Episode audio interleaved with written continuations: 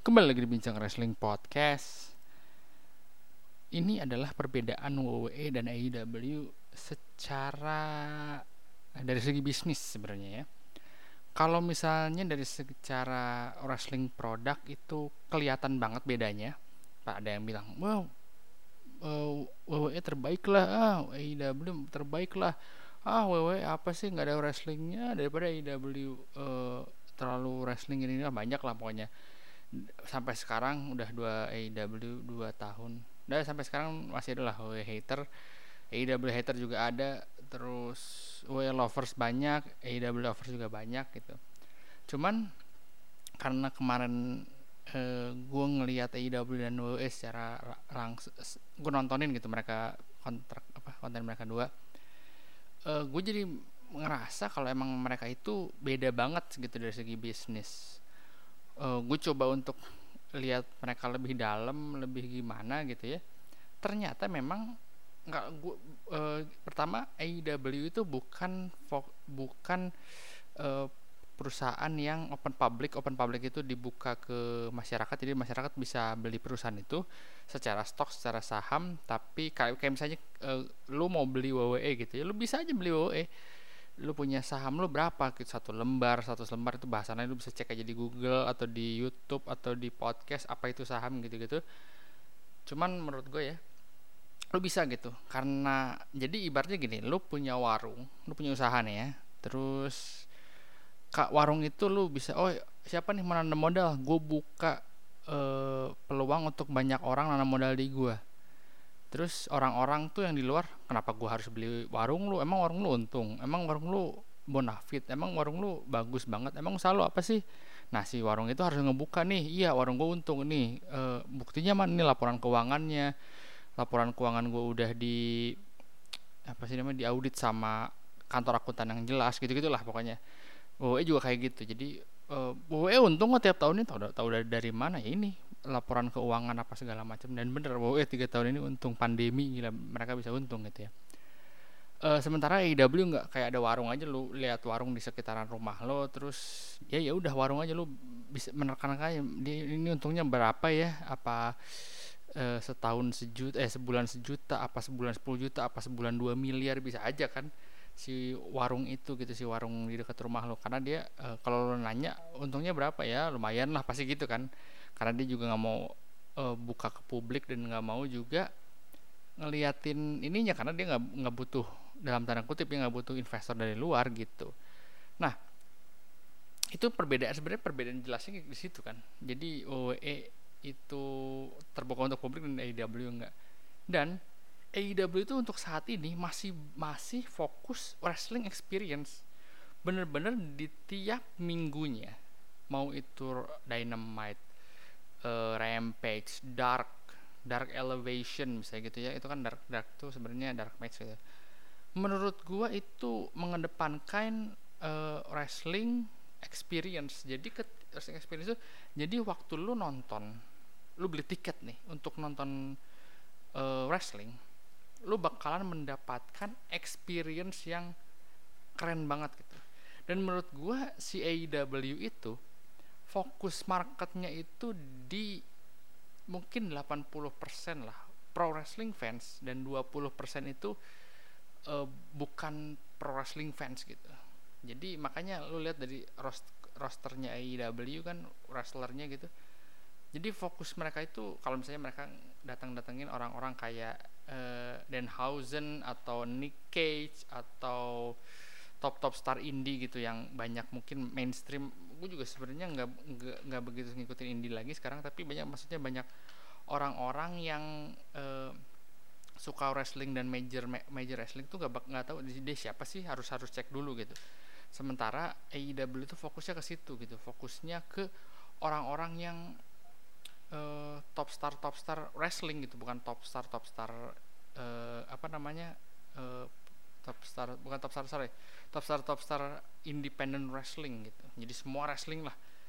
Nah jadi makanya AEW itu lebih ngejar ke arah situnya gitu. Jadi lu kalau nonton ke sana lu bisa ngeliat oh anjir ini seru banget ya. Lu bisa ngeliat orang-orang kayak Daniel Bryan orang yang udah punya nama established Chris Jericho si Empang John Moxley uh, Adam Cole misalnya gitu ya Keith Lee orang-orang yang udah namanya udah besar gitu udah pernah di WWE lu bakal melihat dia uh, dijadikan sesuatu yang beda gitu. Loh gue gak pernah lihat ini nih si Daniel Bryan melakukan hal ini.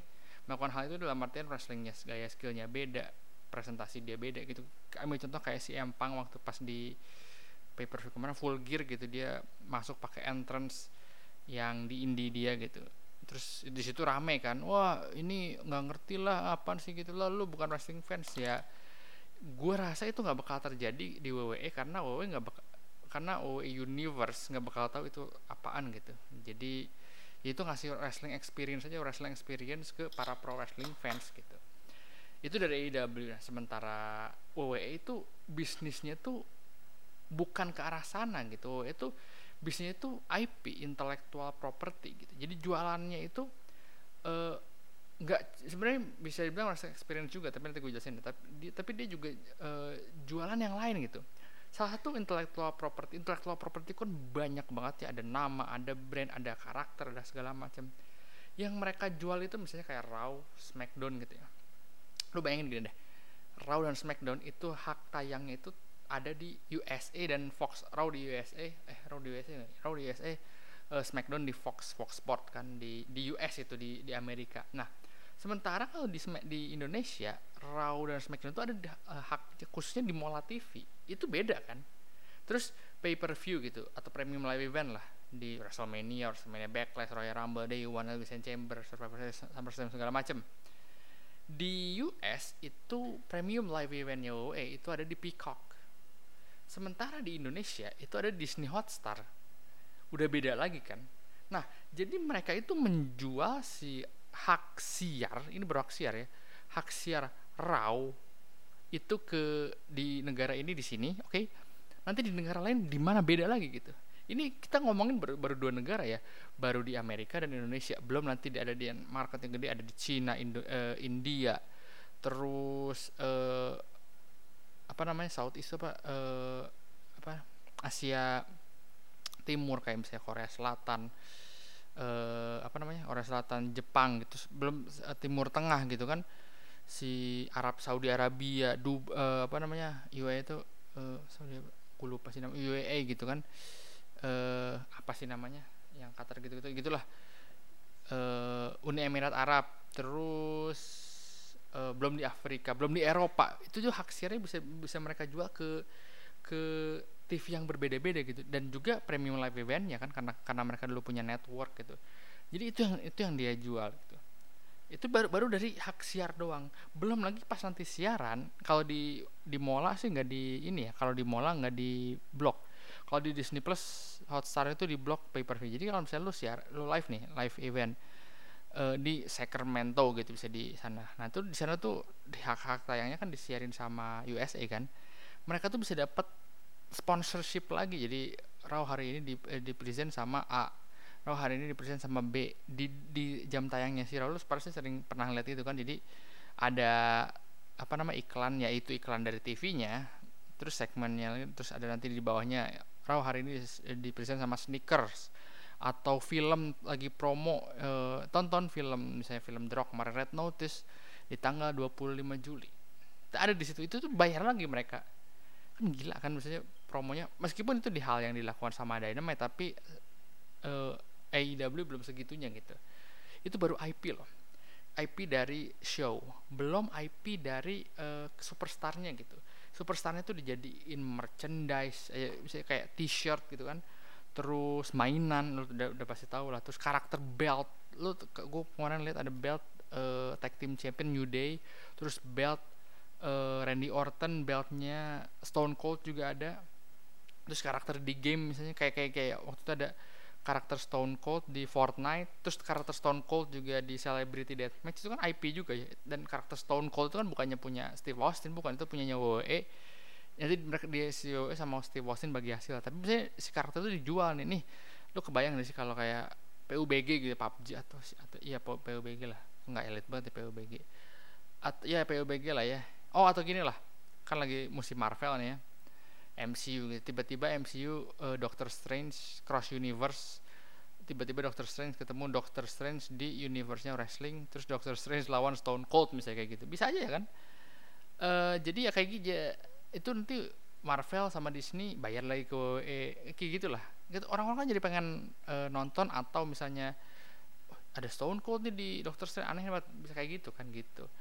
Terus karakter uh, mereka mereka jadi gamenya sendiri. Terus karakter di film misalnya gitu. Karakter di film kayak New Day sama Undertaker itu kan karakter ya. Ada di Netflix. Gue nggak nonton sih karakter apa filmnya mereka karena filmnya terlalu anak kecil. Jadi tapi itu jadi jadi sebuah karakter yang ada di film gitu. Kalau nggak salah uh, Big Show juga ada. Jadi sebuah karakter bukan nama gitu ya. Belum lagi catchphrase kayak what jadiin t-shirt gitu. Catchphrase loh what what what gitu kan. Terus The Rock just bring it. Uh, lane the Smackdown wah banyak lah gitu. Terus WWE juga terus ada, ada itu uh, WWE juga kuat di ininya di apa sih namanya live eventnya. Selain itu live event itu bi buat apa ya? Bisa dibilang ini bukan bukan live event Raw SmackDown NXT per se gitu ya. Jadi live event itu kayak ngejangkau dia pengen nge ngebuat market lebih luas gitu buat wrestling fans. Misalnya kayak uh, Sacramento terus lu tahu gak sih ada ada kota-kota yang nggak nggak nggak besar bukan Chicago New York terus uh, eh, LA apalagi tuh uh, si San Francisco Washington DC itu gede-gede kan kota-kota besar gitu New Jersey gitu jadi kotanya apa ya? Itu kan kota besar gitu di Amerika tapi dia tuh ngejangkau misalnya di ya kalau misalnya di Indonesia gitu kayak gue di Bandung lah uh, misalnya ada WWE di Indonesia gitu ya WWE live di Jakarta Medan Bandung Surabaya itu Raw dan Smackdown ya. Terus kalau di Kalimantan di Pontianak di Makassar Manado gitu di Denpasar itu kan kota-kota besar gitu. Kalau nah nanti WWE itu biasanya ada live event misalnya Raw live di Bandung misalnya gitu ya. Nanti ada masa di mana besoknya misalnya raw di Bandung terus apa namanya besok itu live event di Tasik kayak gitu misalnya kayak gitu ya memang Bandung dan Tasik lebih besar Bandung kan e, eh, gue bukan menghina Tasik ya tapi misalnya Tasik Malaya Garut kan e, lebih e, udah kota sih cuma ibu kota kabupaten ibu ibu kota gu, ibu kota e, provinsi itu kan Bandung jadi kayak misalnya contohnya kayak gitulah Tasik dan Garutnya di state New York, Tasik dan Garut State California gitu. Jadi wow itu sering sering ada live event live event itu. Jadi ngebuka market lebih luas dan termasuk di Saudi Arabia, di Jepang, di sekolah live event di luar kan itu ngebuka lagi uh, apa namanya? ngebuka lagi uh, ngebanyakin wrestling fans. Makanya dia WWE jadi nomor satu. Kita harus mengakui lah WWE nomor satu gitu ya. Jadi inti dari dari podcast ini wah ini orang nge ngebagus-bagusin WWE enggak gue cuma ngejelasin yang hasil yang tadi gue baca gitu. Uh, apa namanya? Si apa annual reportnya laporan profil dari WWE bisnisnya tuh apa sih gitu. Kayak gue lihat emang kayak Nikan kan sebentar Nikan ini kan kontroversial ya karena dia memecat-mecatin orang gitu ya. emang menurut gue sih emang dari segi bisnis ya emang lu harus mental baja gitu kan lu harus ya udah gitu uh, darah dingin aja lo oh ini ini enggak ini karena kalau bisa dari sudut pandang WWE misalnya taruhlah misalnya kayak Triple H gitu ya. Dan gue gue rasa memang kayaknya nih kan bakalan lanjutin WWE ngegantiin uh, Finn sih Buk, nggak bukan orang-orang kayak Stephanie atau si Triple H karena mereka berdua itu kan dari dari depan layar ke belakang lah. Stephanie juga bisa bilang gitu kan dari depan layar gitu. Apalagi Triple H. Jadi jadi dia tuh bakal ada kedekatan sama fans ya. Kayak kayak gue rasa kayak Triple H tuh percaya kayak orang-orang kayak yang terakhir dirilis siapa ya? Eh uh, yang dirilis kontroversial siapa itu? Ter gue pikir dulu. Uh, Kitli lah terus contohnya orang kayak Triple H bakalan mikir anjir Kitli berharga banget. Tapi orang-orang kayak ini kan ah ini mah udah uh, A B C D E enggak. Se, uh, dari segi fisik cut cut gitu. Orang-orang kayak Triple H kalau dia jadi pimpinan WWE gitu tetap bakalan wah Kitli bagus nih. Dan itu untuk kalau nggak ituin wrestling fans ya iya. Tapi kalau enggak ya enggak gitu. Karakter satu, satu karakter yang kuat menurut gue yang WWE banget tuh kayak Bianca Belair gitu. Karakter karakter WWE banget lah yang kids friendly kayak gitu gitu bukan jadi karakter yang arrogant yang lebih kekinian kayak gitu kayak kayak AEW punya gitu. Jadi intinya sih itu rekapan gue pas gue lihat gue gue rangkumin lah. Jadi oh kayak gini ya bisnis WWE dan AEW emang beda banget. Jadi kalau lu bilang wah AEW lebih bagus dari apa namanya itu dari WWE dari segi pro wrestling gue sih setuju ya emang emang emang iya gitu. Tapi kalau misalnya dibilang eh, apa ya emang bisnis mereka beda aja gitu WWE lebih ke tapi gue gue rasa AEW ke depannya juga bakal kayak gini sih. Nggak nggak menutup kemungkinan AEW bakal bakal jadi kayak WWE itu intelektual intelektual uh, propertinya gitu si karakter. Tapi belum ada karena belum ada karakter yang tapi gue nggak tahu sih ke depannya yang bu, bisa bisa di luar wrestling gitu. Bigger than life karakter. Kayak uh, The Rock Stone Cold. Kayak kayak Stone Cold lah gitu. Dia di ada di Fortnite lah. Dia nanti ada di Celebrity Deathmatch gitu. Ya gitu sih sebenarnya menurut menurut gue ya. Uh, tapi mungkin menurut gue sih AEW bakalan kayak gini. Tapi yang jelas gue sih sampai sekarang masih sebel sih. Termasuk ada orang-orang yang gue kenal juga yang masih gitu menghina-hina WWE menghina-hina AEW dan ya kedua belah pihak gitu saling gak suka. Kenapa dan gue setuju sama Samoa aja kenapa sih nggak udah lu nonton aja? Lu udah nonton aja lu nggak dibayar sama WWE nggak dibayar sama IW dan juga sama IW ngapain bayar lu cuma buat bela-belain mereka gitu? Apaan sih? Gue gue kocak aja gitu lihat kenapa sih nih orang-orang pada uh, ini banget kan? Ya gitulah uh, bisnis mereka udah tahu lo beda gitu kan dari mungkin bisa merubah pikiran lo terhadap OE dan AEW dan gue jujur gue pribadi kalau misalnya gue ditanya lo mending milih mana OE dan AEW atau gini lah kalau lo misalnya punya kesempatan satu di di Amerika seka, sehari doang gitu ya bisa dibeliin private jet lo milih nonton AEW atau OE gue bilang tergantung bulannya. Kalau misalnya itu di uh, WrestleMania gue bakal sih bakal milih WrestleMania uh, gua nggak peduli itu misalnya gini misalnya ya, ini kan masih April awal atau Maret akhir ya Maret Maret ah, Maret akhir gitu ya.